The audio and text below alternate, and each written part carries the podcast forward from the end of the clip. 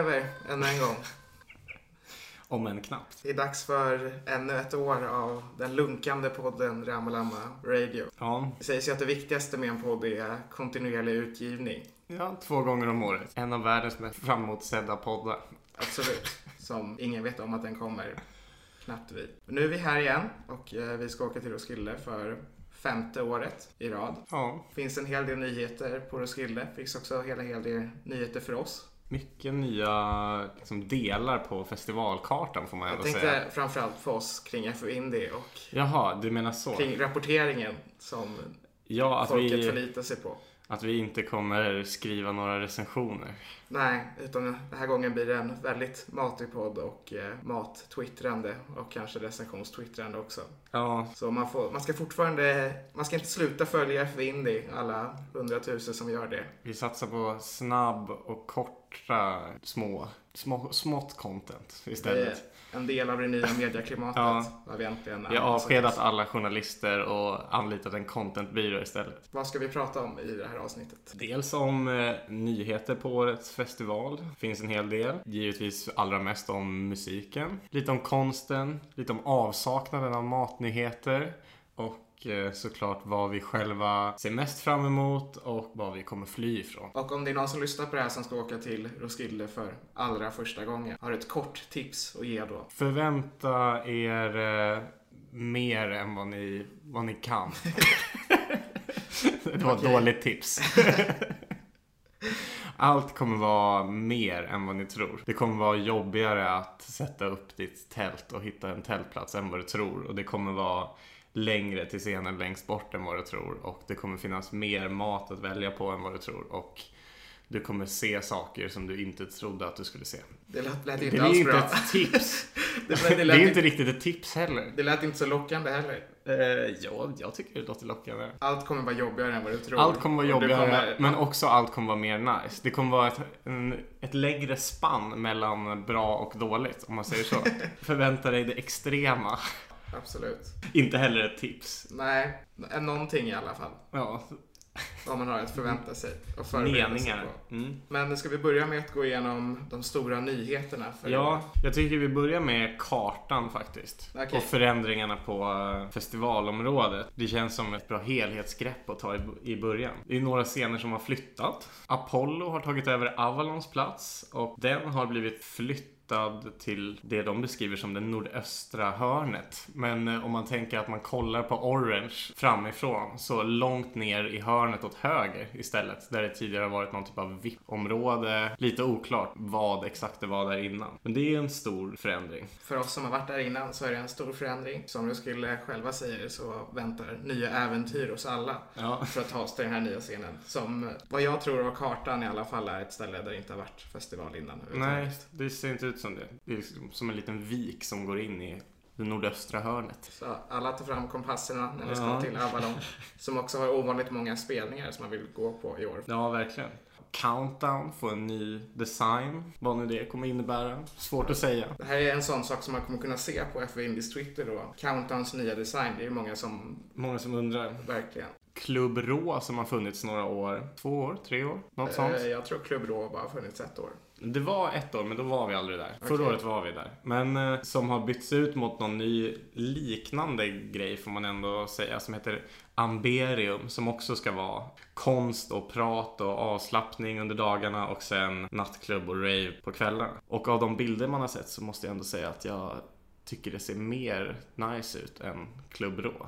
Det Ja. ser mer crazy ut. Om man vill höra om Club Rå så kan man ju lyssna på vårt Roskilde-avsnitt förra, förra året. Ja, vi var inte jätteimponerade. Nej, förutom att vi träffade en eh, man i eh, enhörningskostym som också hade en extrem analys Just av Man bröt ner hela konceptet. Det sägs ju vara en, eh, en sensual haven. It gives you room to dream, slow down and make relations regardless of social, cultural and spiritual differences. Ja, låter ju fantastiskt. Otroligt va?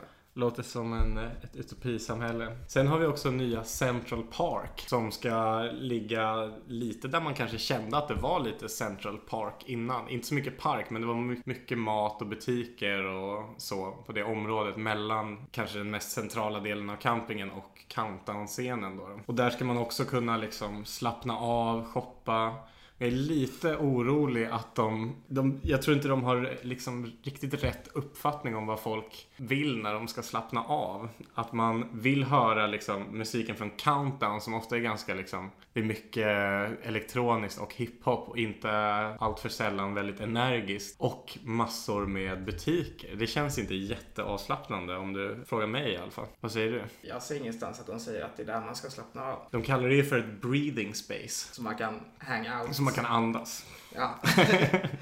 Nej, jag tror väl det är som de skriver, vilket är väl logiskt också, att det ska vara en plats mellan campingen och festivalområdet som kanske inte har funnits innan. De flesta av de här ändringarna, eftersom att man hamnar i lite av en psykos efter två dagar så kommer man tänka att det alltid har varit så. Det har ju varit flera ändringar på området sedan vi kom dit första gången och det är De glömmer man snabbt bort. Ja, precis. Det är väl det om själva området. Det är också rekordmånga områden som är silent and clean areas. Ja, jag skulle hålla på att förvandlas till en avslappningsretreat Ja, med alla de här nya ändringarna. Jag tycker ändå att den största nyheten är eh, en nyhet som jag har för mig att vi har pratat om innan, eller har funnits på Roskilde innan vår tid, som var kvinnliga pissoarer.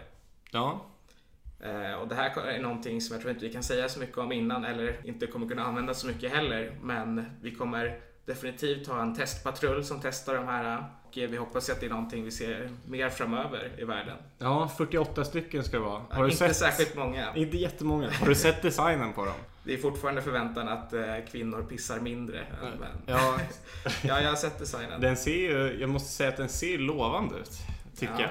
Den ser smidig ut. Inte som, jag såg någon bild, en skämtbild på en kvinnlig pissoar där det var liksom som en, en stång man skulle sätta fötterna på och sen handtag uppe på väggen så att man skulle liksom cruncha mot väggen typ och sen kissa som i en vanlig... Ja, men sådana tror jag finns på riktigt. Gör det det? Ja, Jag tror, trodde det var ett skämt.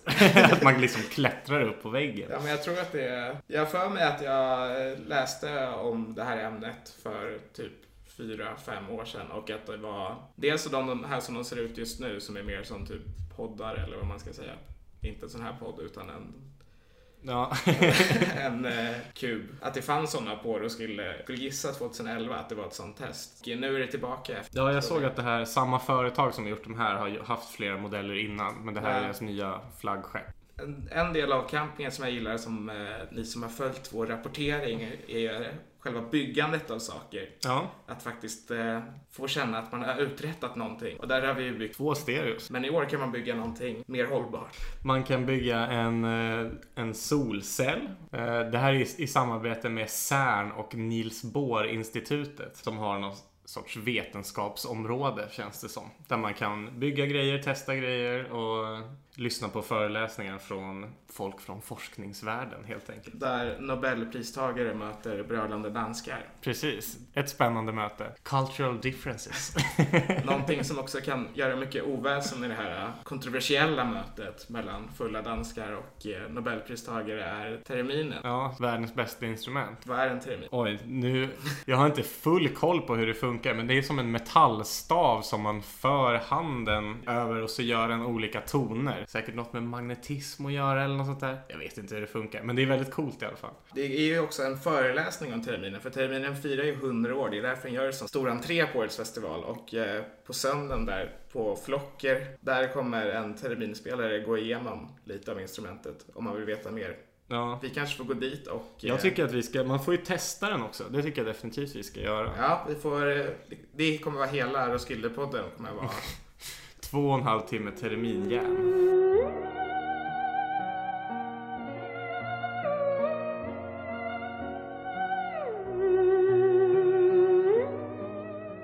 Ja, om vi ska gå på musiken som ändå är det roligaste i slutändan. Och om jag skulle säga någonting om Roskilde och inte tips men även förväntan skulle jag säga att alla spelningar är ett snäpp bättre än spelningar på alla andra ställen. Ibland två snäpp. Ibland mer än så till och med. Ja. Men om man tänker att det hade varit exakt samma spelning som bandet hade gjort fast på en annan scen. Mm. Så tänker jag att Roskilde ger ett snäpp upp. Ja, Och eh, festivalen, man kommer ju dit på lördag och kom tidigt. Om ni har bokat sena tågbiljetter så är det bara att boka om för annars kommer ni inte hitta någonstans att bo tyvärr. ja, upplevde vi första året. Sen på söndagen då så börjar det som vi brukar kalla för Roskilde Rising men som aldrig har hetat det tror jag ens. Eller kanske hetat det Nej. ett år. Eh, men eh, warm-up-dagarna kallas det också. Det är alltså på de första fyra dagarna, de första tre dagarna. Mm. I musik. år har de till och med en liten grej på lördagen. Det ska vara något sorts typ hiphop Ja, men fest. de brukar ha något på lördagen. Det brukar ju vara DJs och så minns vi ju Viking Fest Just det. för två år sedan också som inte stod med i programmet. Fest. Men ja, det är ju någonting på lördagen men sällan orkar man eller är det något av stort intresse. Jag skulle ändå säga att det riktiga börjar på söndagen. Absolut. Då är det två scener på campingen. Ja, det brukar vara bland de mest trevliga spelningarna på festivalen. Ja, de första dagarna är ju nästan alltid de bästa. Det är mer avslappnat. är, jag skulle inte kalla det för bästa, Nej. det är en annan sak. Ja, det är trevligare stämning. Nej, det skulle jag inte heller säga. jag skulle säga att det är mer koncentrerat. För sen så flänger man väldigt mycket mellan scener. Men de här Ja. dagarna får man verkligen kampa. Man har tid. Man har breathing space, eller vad de kallar det. Ja, det första som... Eh, Och eh, i år så har vi för tydlighetens skull också ett litet kategoris- kategoriseringssystem. Mm, Som är kategori F. freak-faktor. Där finns det många, ibland kan freak-faktor, det kan vara någonting bra, det kan vara att det kanske är något eh, som man aldrig trodde att man skulle höra eller som man knappt visste fanns. Ja, Eh, men det kan också vara någonting som, eh, typ som Bruno Mars förra året. ja. något som man visste fanns, men... och visste antagligen skulle vara ganska dåligt och Ja. var ganska dåligt, men ändå är en upplevelse. Eh, och sen har vi klass 1. Eh, kan väl vara kul. Det är den spelningen som man pratar om när man tar sina riskakor på morgonen och kollar på dagens schema. Så tänker man, det här kan väl vara kul och ofta slutar det med att man inte är där. Ibland gör det det. Ja, och är det någon gång som kan väl vara kul-kategorin kanske förverkligas och blir att man går så är det ju på warm-up-dagarna ändå. Sen har vi klass 2, eller två stjärnor. Eh, något att sikta på men det är ingen världskatastrof om man missar. Och den känslan tror jag jag tycker de här klasserna funkar bra för folk som varit på festivaler och jag tror att ni kommer känna samma sak. Ja, Och sen har vi då klass 3 ett måste. och den talar ju för sig själv. Ja, Arre Arre som är det först ut för oss troligtvis på söndag. Då Ja. klockan halv fyra på Rising. det är ju då en klass 2-konsert. Så då skriver ni ner klass 2, Ja. Arre Arre. Och Arre Arre är då ett Malmöband som gör punkrock med lite influenser från 90-talsgenre framförallt.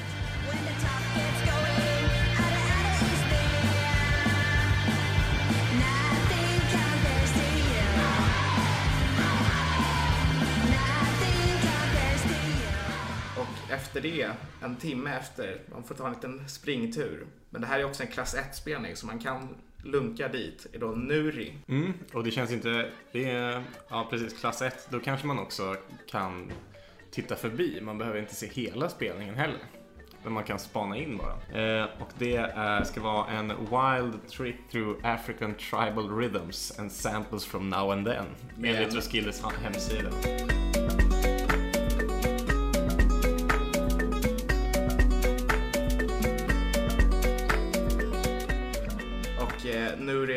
Maskerad doktor enligt Roskildes hemsida också. Ja. Och Roskildes hemsida är någonting som vi ofta återkommer till med de bästa beskrivningarna. Ja, man blir nästan taggad på allt Precis. av att läsa det.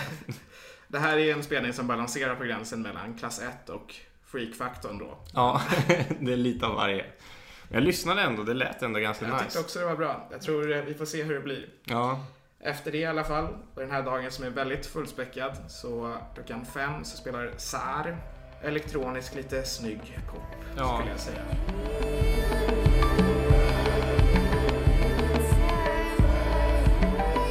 Och klockan sex så är det den första klass 3-spelningen då. Ja, däremellan är ju dock den här terminföreläsningen. Ja, så det kan bli precis. tight där. Det kommer nog inte bli både SAR, termin och ja, jag vet inte. Kanske. Jag är i och för sig mest sugen på att lyssna, eller testa att spela terminen. Inte så mycket på att lyssna på en föreläsning om den kanske. Jag vet inte. Då hade du ju kunnat svara vad en termin var i början av det här avsnittet. Ja, men är jag är, sån inte, så, in, är jag är inte så intresserad av att veta. Det är så kallad allmän kunskap som alltid kommer komma till nytta. Ja, mystiken tilltalar mig också kring termin. Okej. Men vilka är då Heartbreak Satellites? Eh, ja, det är eh, delar av Pompoko som är ett av de, eh, en av våra favorit eh, warm-up-spelningar någonsin. Får man ändå säga. De är Ja. också norska. Man hör ju vissa likheter också, skulle jag ändå säga. Lite liksom kruxiga rytmer, eh, mycket konstiga syn- syntar och sådär. En del konstiga texter. En del konstiga texter också. Och Ja. en väldigt karismatisk sångerska. ja. Så det kommer nog att bli... Ja, det är som sagt en klass 3-spelning. Precis, och den Man missar vill inte man säga inte. så mycket mer än så. Mm. Så vi ses där.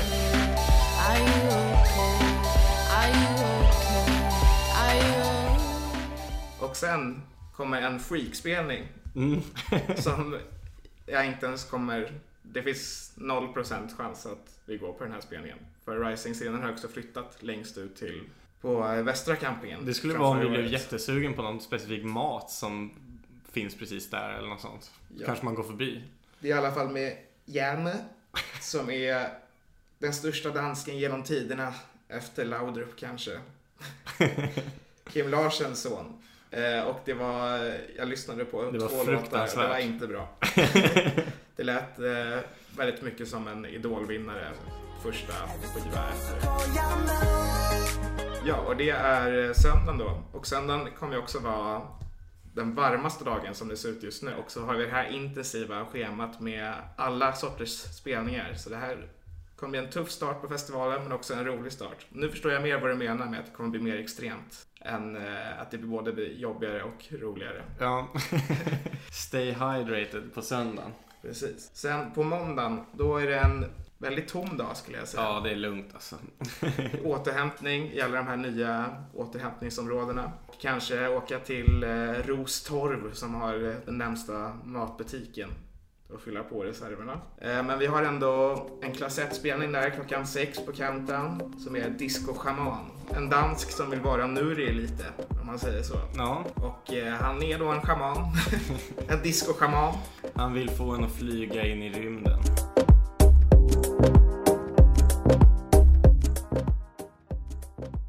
Klockan åtta. En ett band eller en artist som inte var särskilt dålig eller särskilt bra men hade en väldigt, har freaky aspekter till sig. Ja, en så kallad världsmedborgare. väldigt new age generellt sett och bor i en liten, mongo... en liten gjort i Christiania. Och vad är en? Pytte, pyttelitet hus kan man säga. Eh, som man har i Mongoliet bland, annat. Men jag läste någon delar av en recension av någon spelning han hade gjort på eh, Hotell Cecil i Köpenhamn och då har han typ 12 pers på scenen live. Och Alla bor bara- i den här lilla, lilla Ja. gjorten. och det var bara en extrem eh, hippie-känsla. Alla bara slog på grejer och Ja, ja. det, är, eh, det låter som min eh, musiklärare i sexan har flyttat till en gjort i Christiania och han Ja. tyckte om att vi skulle slå på saker och sen skrek han alltid "Åh!" och då skulle alla vara tyst och så att bara han och trummade i typ 20 minuter så fick man titta på. ja. Den enda kanske bra spelningen är eh, klockan 21.30 på Rising som är en klass 2-spelning. Eh, Där är Hoi La, skulle jag uttala det. ja. Eh, Det här är ju då nackdelen med radions död, att man vet ju inte hur artister uttalas längre. Ytterligare ett norskt band i alla fall. Ja, och det är trip-hop helt enkelt.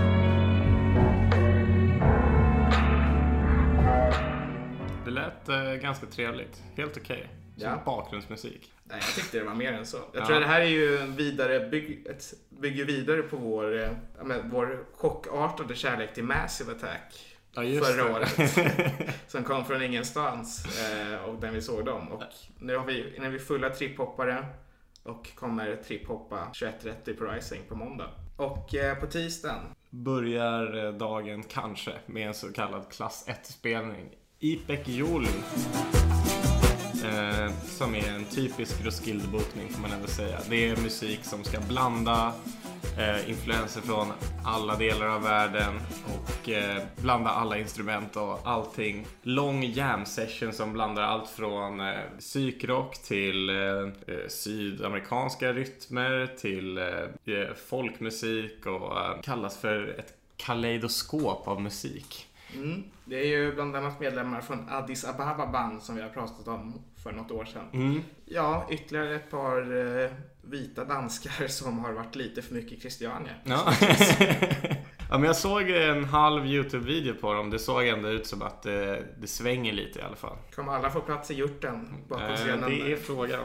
Men sen klockan halv fyra den dagen, om man har värmt upp med vita hippies, så kan man gå och se en svensk talang.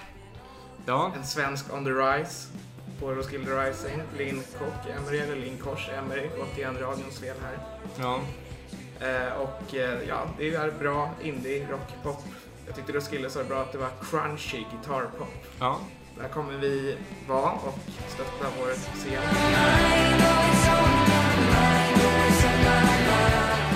Sverigeflaggor målade i ansiktet.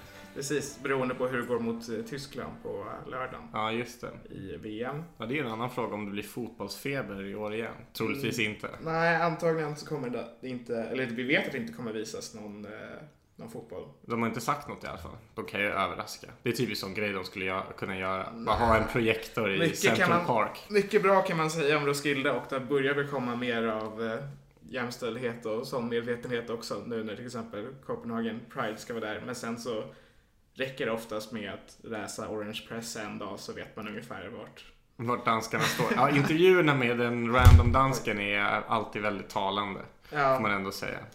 eh, så, och att Danmark inte är med i VM heller tror jag påverkar. Mm. Ja, annars hade de nog...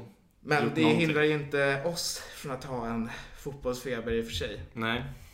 Så ni får eh, hitta oss på någonstans på F förhoppningsvis och eh, leta efter svenskarna och det är ett väldigt litet svenskt camp som sitter framför en väldigt liten mobilskärm och kollar på ett svenskt landslag med väldigt liten vinstchans Ja. mot Tyskland. Eh, sen är det ju en krock här. Ja, Klockan- den, den första riktigt allvarliga krocken får man ändå kalla den. Ja, en av mina få krockar överhuvudtaget på årets festival. Ja. Mall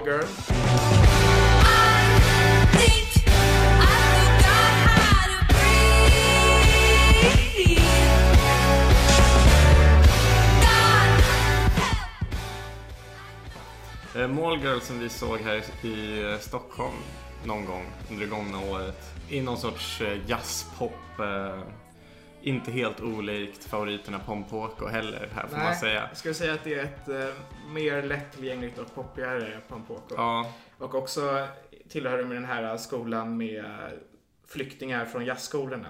Mm. Som bland annat Kluster i Sverige gör. Och som Austin, Austin Maloney som kommer vara med i podden som skriver åt flera sidor. Eh, hade någon väldigt rolig formulering med det. Och en sån eh, liten eh, spaning om att det är väldigt många jazzmusiker, eller musiker med jazzbakgrund som går in i indiepop och indie-rock just nu. och gör väl ofta väldigt spännande grejer får man ändå Ja, säga. bra blir det. Man ska veta att det väldigt ofta är dansk hiphop på Roskilde. Och norsk hiphop också väldigt mycket. Ja, Och man ska också veta att det oftast är väldigt dåligt när man lyssnar på det. ja. Eh, säkert för att man inte förstår så mycket. Eh, men det kan ju också vara bra ibland. Men här klockan 18.30 så är vi nattkatt. Yeah, det kommer lige ud af kontekst Dybstegt det maskinbyen driver Det er dag de unge lever for til jeg skriver ja, de skrek det i någon låt hörde jag. Okej. och det är då ja, klassisk old school hiphop. Lett av eh, rapparen Freile Funk. Mm. Väldigt bra namn också. Och eh, beatmakern Floppy Cat och Magic Maker DJ Sump. Ja, riktigt bra. De ska låta lite som A Tribe Called Quest enligt jag. eh, Roskildes hemsida och det håller jag med om. Inte särskilt originella men jag tror det kan bli en väldigt trevlig spelning. Och båda de här spelningarna är klass 3-spelningar. Vilket inte går ihop. Nej, därav krocken. Och om man vill veta mer om dansk hiphop så är det också eh, jag som kommer gå på alla mina föreläsningar här. Så är det ju Pelle Peter Jensen som har eh, på måndagen en föreläsning om dansk rap. Ja, På danska. det kan nog vara intressant. Om man hade förstått någonting. Ja. Eh, Sen har vi faktiskt ytterligare en klass 3-spelning men den är lite, inte, inte fullt ut en klass 3-spelning för vi har Baby in Vain och korpus på, på tisdagen men de spelar också på onsdagen. Och den här versionen på tisdagen ska vara en lite nedskalad version. Så jag tror att den på onsdagen kommer vara bättre. Men schemamässigt passar det bättre för oss på tisdagen. Så vi får se hur det blir där. Men Baby in Vain är ju ett eh, danskt postpunkband. Mycket eh, högljudda gitarrer. Väldigt bra.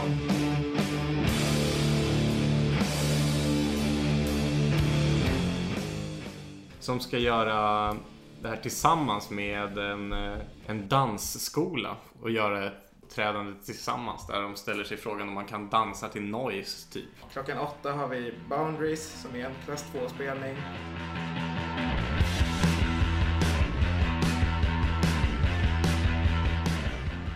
Eh, Och det är dansk postpunk helt enkelt. Om man vill ha utan dansskola så kan Ja. man gå dit istället. Ja. Och lite sämre musik. Och sen avslutas vår warm-up med en klass 3-spelning med Collider.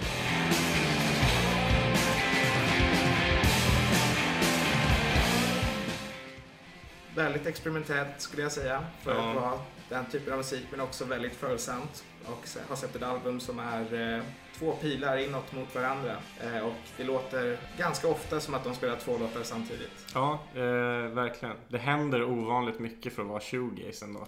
Ja, och det här kan nog bli en... Eh, tror det kan bli jättebra eller jättedåligt. Ja, det kan också bli fruktansvärt verkligen. Det kan det. Men eh, jag tror att det kan bli bra och det avslutar warm-up-dagarna. Festivalen öppnar på riktigt. Ja, en eh, vanlig festivallängd som warm-up-dagarna är, är slut och nu väntar en lika lång, riktigt mycket större festival. Eh, och många fler matmöjligheter. Men där har vi haft svårt att hitta nyheterna på matfronten. Så där får ni helt enkelt följa på Twitter och se vad som händer. Ja, sushin som var en succé förra året verkar Som, vara eh, borta. Nej, säg inte så. För som det ser ut just nu så är både matbloggen, matbloggens favoriter risotton och sushin, som också matbloggen var väldigt involverad i att ta fram Ja. med hårda krav på sushi, borta. Men eh, jag tror inte att, eh, jag tycker det är för få matstall när man... eh, När man kollar på kartan ja. Ja, Ja, så vi, vi håller tummarna. Och hur ser det ut på musikfronten då när det väl öppnar? Första dagen på onsdagen börjar då, beroende på hur det har gått dagen innan, med antingen den här lite mer spacade Baby in Vain och Corpus-föreställningen på Gloria klockan halv sex. Beroende på om man har gått eller inte gått, eller kanske gått och blivit helt frälst och vill se det igen. Svårt att säga. Eh, sen öppnas Orange i år. Eh, här har vi en klassisk freakfaktor-punkt eh, av eh, allsång klockan eh, fem över halv sex. Var sprattlar man säkrast i kärlekens barn? Hos Kalle. Vilken Kalle? Kalle. Vilken Kalle? Ja, ledd av Anders Lundin. Ja.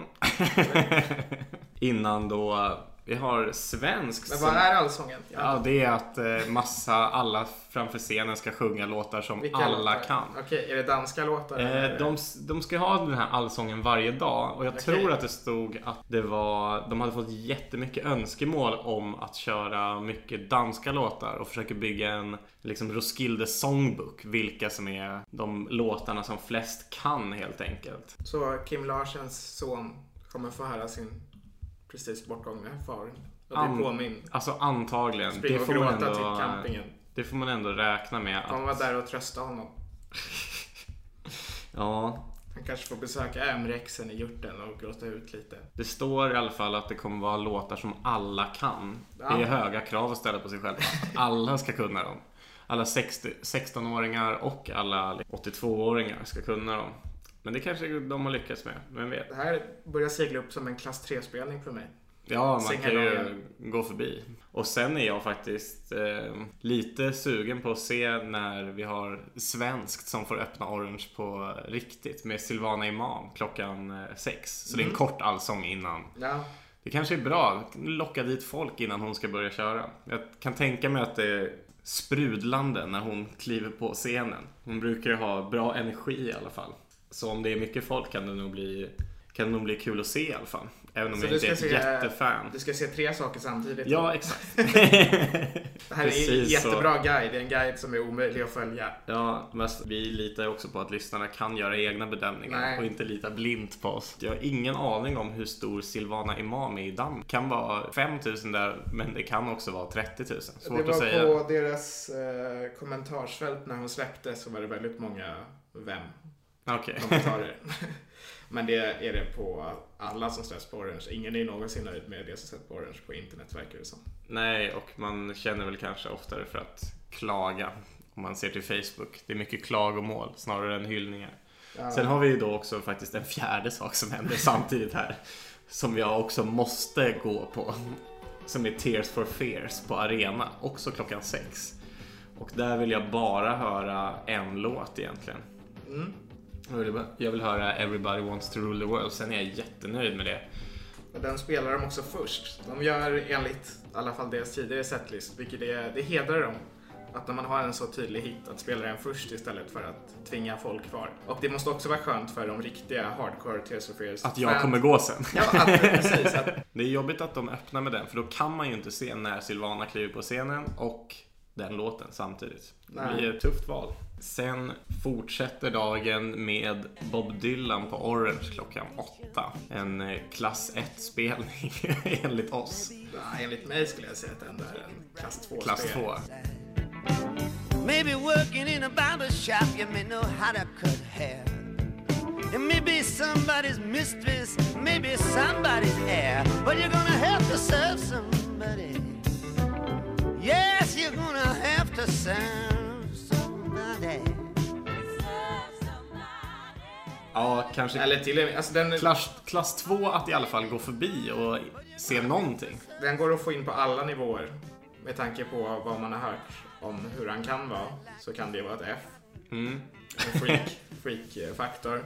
Men det kan också vara en trea.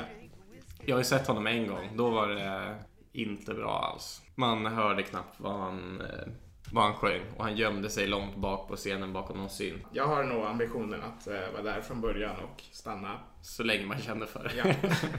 Sen har ju jag en förmåga att alltid lyckas gå på en grime-spelning på varje Roskilde. Så det får väl bli Skepta på Arena då klockan 20.30. Bob Dylans eh, motsats i energinivå. Ja. ja, om Skepta har en blixt vid sitt namn så har Bob Dylan en snuttefilt eller ja, jag vet. Och blixten betyder då High Energy Concert. Mm. Vilket jag skulle varna dem eller tipsa dem. Ja. På vilken typ av människa man är. Sen har vi dagens första klass 3-spelning. Dagens första måste. Dagens enda måste också. Verkligen. Onsdagen är en ganska svag dag, men då får man också ha med i beräkningen att festivalområdet öppnar senare på onsdagen än på de andra festivaldagarna, eller vad man ska kalla det. Och det är Pavilion klockan 10 som gäller för Fontaines DC. Mm. Ett av eh, mina favoritband just nu och ett av mina favoritalbum från i år hittills. Eh, som är en del av den här eh, arga nya generationen indie-rockpunkare. Ja. Som är, det är bra att världen går åt helvete för musiken skulle jag säga. Mm. För det känns som att gitarrmusiken lite slätstruken och lite tråkig för kanske 3-4 år sedan. Nu jättearg och jättebra. Ja, jättearg men också medvetna människor. Det är en konstig, det är en konstig mix. Det är, inte, det är inte det här gamla bara skrika på allt. Ja. Utan de är fortfarande gulliga på något sätt också. Också en känsla för melodi. I alla fall jag kan tycka är en fördel när det gäller musik. Det är inte alla som tycker det. Melodier är oftast bra. Sen har vi ett tufft val senare på kvällen mellan två spelningar klassade som freakfaktor här. Vi har de isländska Eurovision-kändisarna Hattari.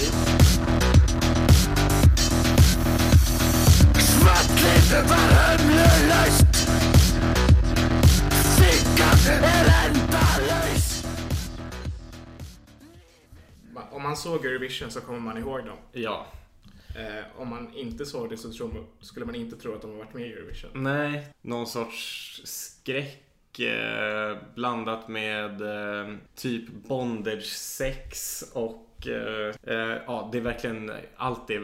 Om det är något som, det är Eurovision-aktigt på det sättet att det är för mycket av allt i alla fall. Det blir ju spännande att höra hur deras andra låtar låter. Jag minns knappt hur Eurovision-låten lät, men Jag tror att jag gav den högsta poäng där. Ja, mest för freak-faktorn då. Ja, Det var, det var crazy.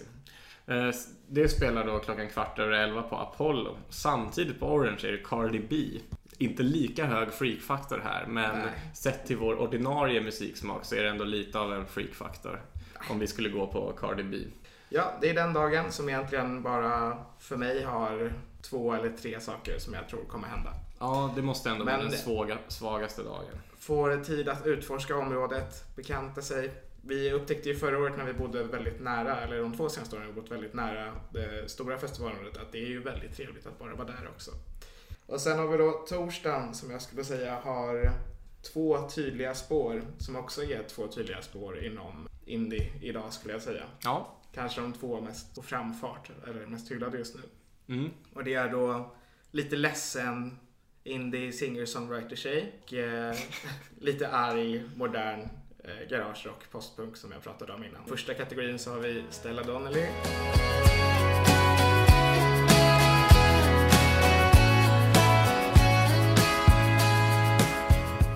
Klockan 12.45. Gloria som också sticker upp som en, jag tror bara jag varit på en spelning för Gloria innan någonsin. Men... Ja, något sånt. Sen Sharon van Etten klockan 3.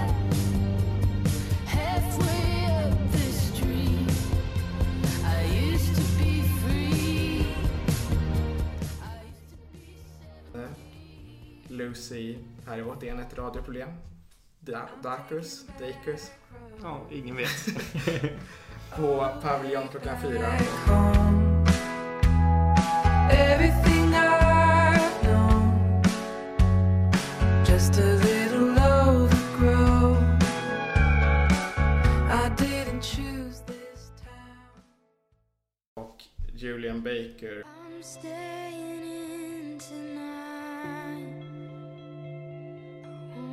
stop you from leaving. Så har vi också den här äh, lite rockigare och där har vi nog det som jag ser fram emot festivalen allra mest. Parquet Courts på Avalon klockan fem.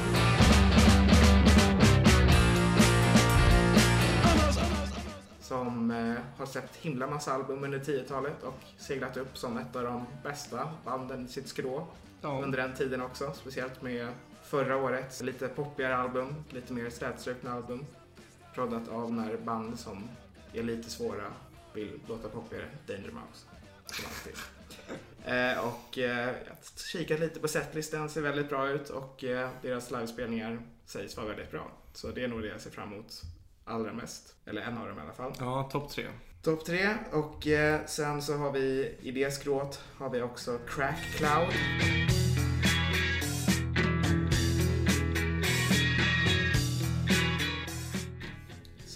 Kanadensiskt band som spelar klockan halv elva på Gloria igen då. Gör också lite svår postpunk, lite svårare än de andra skulle jag säga. Och är väldigt energiska och lite komplexa. De delar också medlemmar med ett band som heter Novel som är också väldigt bra, som är ett tips som inte spelar. Och sen så har vi då även Shame. Alla de här spelen skulle jag nästan säga är klass 3. Ja, faktiskt. Eh, Det här är nog den bästa dagen som jag tycker också. Som spelar på Avalon klockan halv två och Vigge Shame 16. Call out the commodities and eternal crisis glued to an ego's knee. When it's fucked, when it's fucked, when it's fucked. Eh, Shame går väl verkligen i samma kategori som Fontaines DC. Absolut. Och typ Idols och hela den vågen. Eh, de har vi sett en gång förut också och det var ju en av förra årets bästa spelningar ändå får man ändå säga. Väldigt energiskt och eh, karismatiskt band. Ja, och eh, även det albumet ett av förra årets bästa. Eh, och sen har vi då Emil and the Sniffers klockan, om man har energi kvar efter den här långa dagen, klockan halv tre som är lite mer klassisk punkrock skulle jag säga.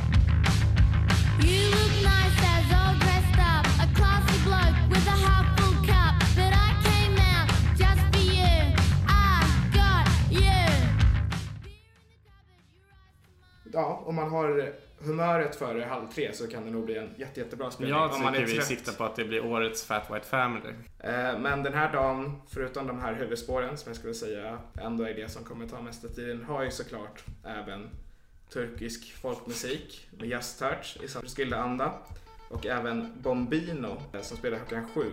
Och Bombino är då mästare av Desert Blues. Och han kallas The Sultan of Shred. Mm. Vilket bara det tycker jag låter väldigt lockande. Bombino var också en av de artisterna som när jag lyssnade igenom Roskilde-listan liksom köade några låtar till av för Ja. att det var nice. Eh, det kan bli bra. Den här dagen har ändå väldigt mycket, många olika saker som man skulle kunna tänka sig att lyssna lite på. Jag blev lite taggad på Jorge Benjar som ska vara en eh, riktig brasiliansk legend verkligen. Det är också alla som kommer utanför traditionella västvärlden-musiken är eh, enligt Roskilde legender Ja. i sitt hemland. Det är lite som svenska 90-talsfenomenet att vara stor i Japan och man kanske bara gjorde en spelning för 500 pers.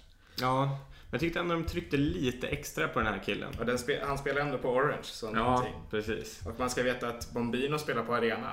Ja. Så det här är ju mycket större band än de andra vi har nämnt hittills. Ja. Eh, Men den, ja, som du säger, den dagen är verkligen spridd och klockan sju samtidigt som Bombino. Eh, det här är nog festivalens öppnaste slott. Så är det ju, om man vill stötta svenskar mer så har vi Nenne Cherry. Som spelar på festivalen för första gången på 24 år. Men det är också ett band som jag verkligen hade glömt bort att de existerade. Och som ska spela på Orange tydligen. Empire of the Sun. Ah, Shit att de spelar på Orange nu. tror att jag, alltså de där We Are The People, de hittarna, då var man ju i helt okej ålder före också. 2008, 2009 eller något sånt. Ja, Ja. eh, men jag har eh, ingen aning vad de har gjort. Eh, och det trodde jag inte någon annan hade heller, men det kan ju vara spännande att ta reda på. ja. Och sen så en sista klass 3-spelning här för mig på den här dagen som har hur många klass 3-spelningar som helst. Ja. Är eh, Tirsa. I'm not tossing, I'm fighting.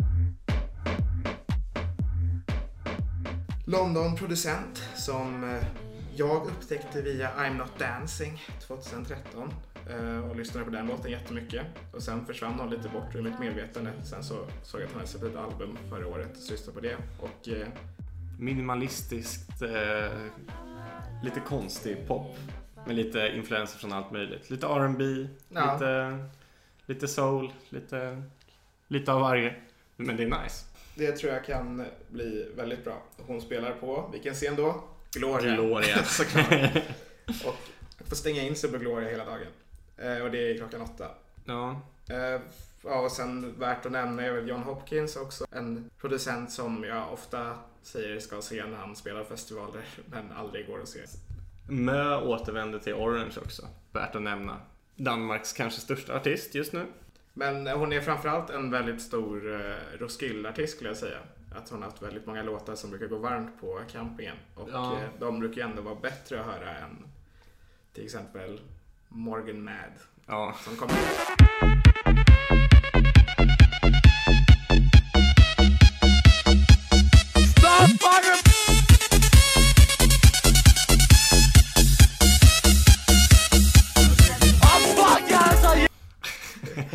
för att plåga alla. ja. Vi har ju haft en tendens att alltid vara lite kritiska mot line-upen eh, och tycker att den blir sämre och sämre för varje år. Men jag tycker ändå att eh, just den här torsdagen exemplifierar ändå att de har ändå fingertoppkänslan kvar inom de genrerna vi gillar mer och så också. Ja, torsdagen är ju faktiskt riktigt hektisk. Det är många saker som man skulle vilja kolla in lite grann i alla fall. Ja, och framförallt flera Och spelningar jättemånga klass 3-spelningar. Det är också en referens som alla känner till. Ja. Ja, jag skulle säga att det var, men det var trodde det skulle vara en klass 2-spelning, men det var ändå klass 3 när man väl var där. Mm. Vad händer på fredagen? Eh, fredagen är ja, en generellt sett eh, svagare dag. Jag tycker en av de mest eh, en av de tiderna på festivalen som var mest freakfaktor av alla är att Cupcake ska spela på Apollo klockan 12 på morgonen.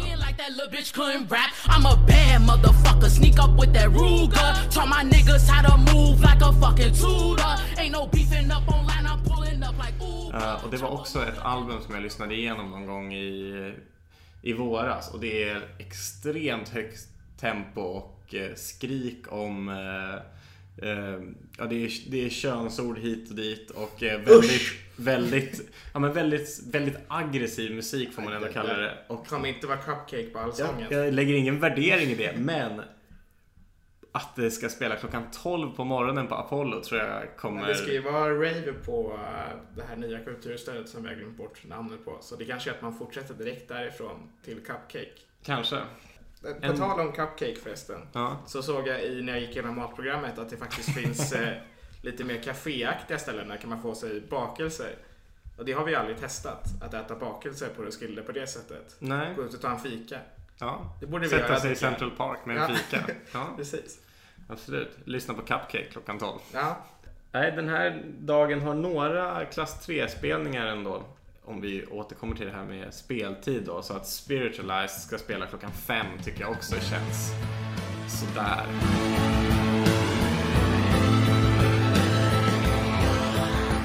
Det borde varit 02.00. de attraherar ju också främst 40, 50, 60-åriga män skulle jag gissa i deras crowd framförallt. Eh, ja, antagligen. De har åkt hem vid två. Men jag hade en känsla om att de skulle kunna blivit årets Massive Attack om de skedde mitt i natten. Men Den här podden kommer, är olyssningsbar så att det bara är referenser till... till Pompoko förra året. Ja. ja. Eh, nej, men det, det missar vi inte. I Nej. alla fall. Eh, sen har vi också Black Midi som jag har lagt som en klass 3-spelning i alla fall.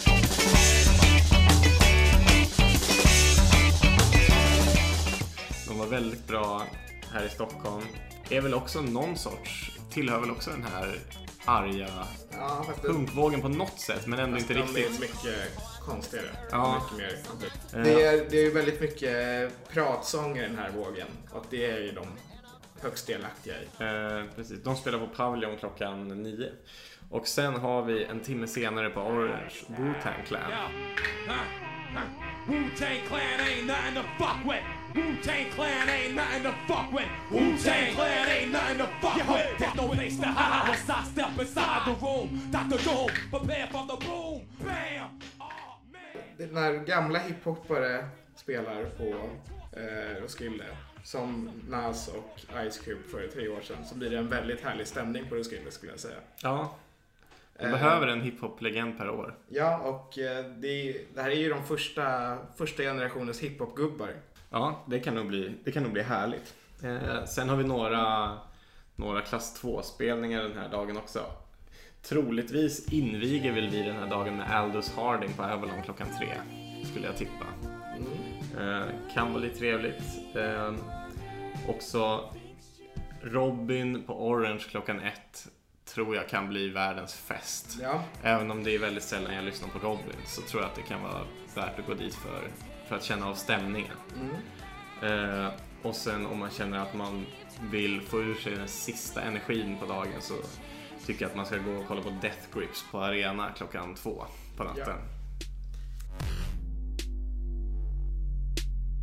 It goes, it goes, it goes, it goes. Guilty!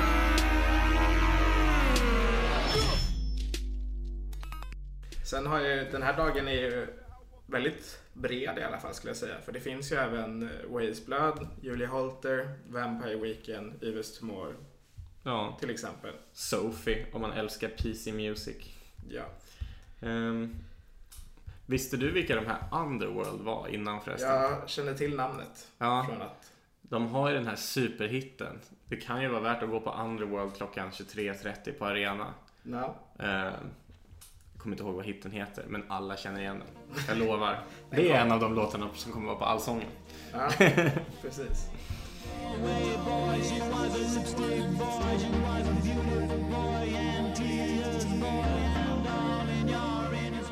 Men eh, lik torsdagen en ändå relativt intensiv dag skulle jag säga. Ja, inte riktigt lika många måsten, men eh, ändå en väldigt bra festivaldag. Ja. Eh, sen har vi ju då festivalens sista dag. Och eh, en eh, ganska svag dag får man ändå säga. Den och onsdagen tillsammans är de svagaste dagarna av huvudfestivalen. Som inleds med morgonmys till eh, Quang Binh på Avalon. Eh, kan nog bli jättemysigt och fint. Eh, hade säkert också passat mitt i natten. Du vill bara se allt mitt i natten. Ja, det Jag är tänker lite snarare att så. Krungbin är perfekt. eh, Det är ju av dig själv uttalat till det bästa bakisalbumet. Så det hade det varit Jo, idiotiskt att lägga dem två på natten och perfekt att lägga dem klockan ett. det, är, det ligger något i det, det du säger. Sen eh, är det en lång paus. Om man då har somnat till Krung Bin så är det lugnt. För det är inte egentligen för en Girlpool spelar på Pavilion klockan 20.15 som är något som jag tror att vi kommer gå på. Ja, jag tror jag kommer Masar iväg testa till... Noel i alla fall. Ja, På arena klockan sju. testa en tugga av Noel. Ja. Ja, jo. Speciellt om vi lyckas bo där vi vill, då är det nära också. Mm. En crunch av Noel. Ja, eh, det är kul att bara se honom lite också. Ja, Han kanske. Det kan vara lite freakfaktor på den också. Eh, sen eh, spelar The Cure på Orange klockan, klockan 23. Och ingen av oss är... antagligen hela tiden tills vi kommer tillbaka nästa år. Eh, ja, troligtvis. Ingen av oss är något större The Cure-fan, men det känns ändå som att vi kommer vara där lite och kolla i alla fall. Mm. Eh, innan en stark avslutning på den här sista natten ändå. Kikagaku Mojo på Pavilion klockan eh, halv ett. Um, ja, de är ett japanskt psykrockband som eh, eh, ser alla exakt likadana ut som japanska gubbar med jätte, jättelångt skägg. Ser riktigt härliga ut och eh, ja, har ett väldigt långt psykjam kan man väl säga. Jag har sett dem en gång tidigare och det var riktigt bra. Passar perfekt mitt i natten.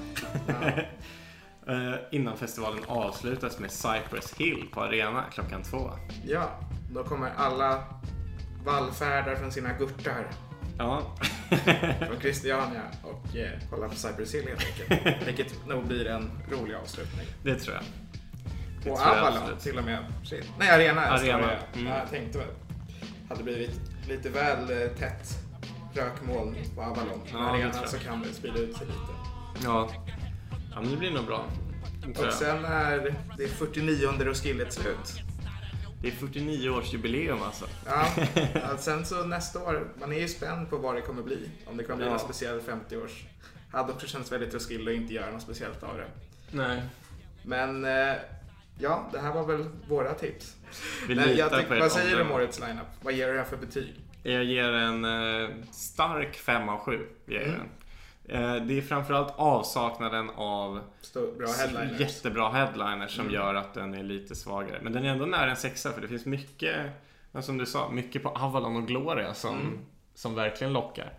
Eh, men jag tänker ändå att Roskilde ska ju vara för, det är ju så man bygger en så stor festival, det ska ju vara den poppigaste poppen och den konstigaste, konstigaste rytmerna. ja, Och avsaknad av melodi och jättemycket melodi och det är det som gör det fina. Att, också det som gör att man kan gå runt på området och bara gå runt och kolla lite på scener. ja, Eh, och Freak Factor eller klass 3, båda kan vara bra. ja, det är ju... Om alla tycker att det är en stark 5 av 7, det är ändå liksom, då är det värt att åka dit. Då kommer Ja. ju alla oavsett musiksmak åka dit. Så det är ett succérecept. Metalen som är, som vi stänger av efter två sekunder när den kommer i listan, är säkert också jättebra. De känns som de enda som bara har sin egen grej. Ja, de är ett litet eget community. Undrar om de har en egen camping också som jag inte känner till. Metal Camping. Den är six feet under. Precis. Den riktiga kan. Ja, men eh, det var det. God festival. Ja, god festival.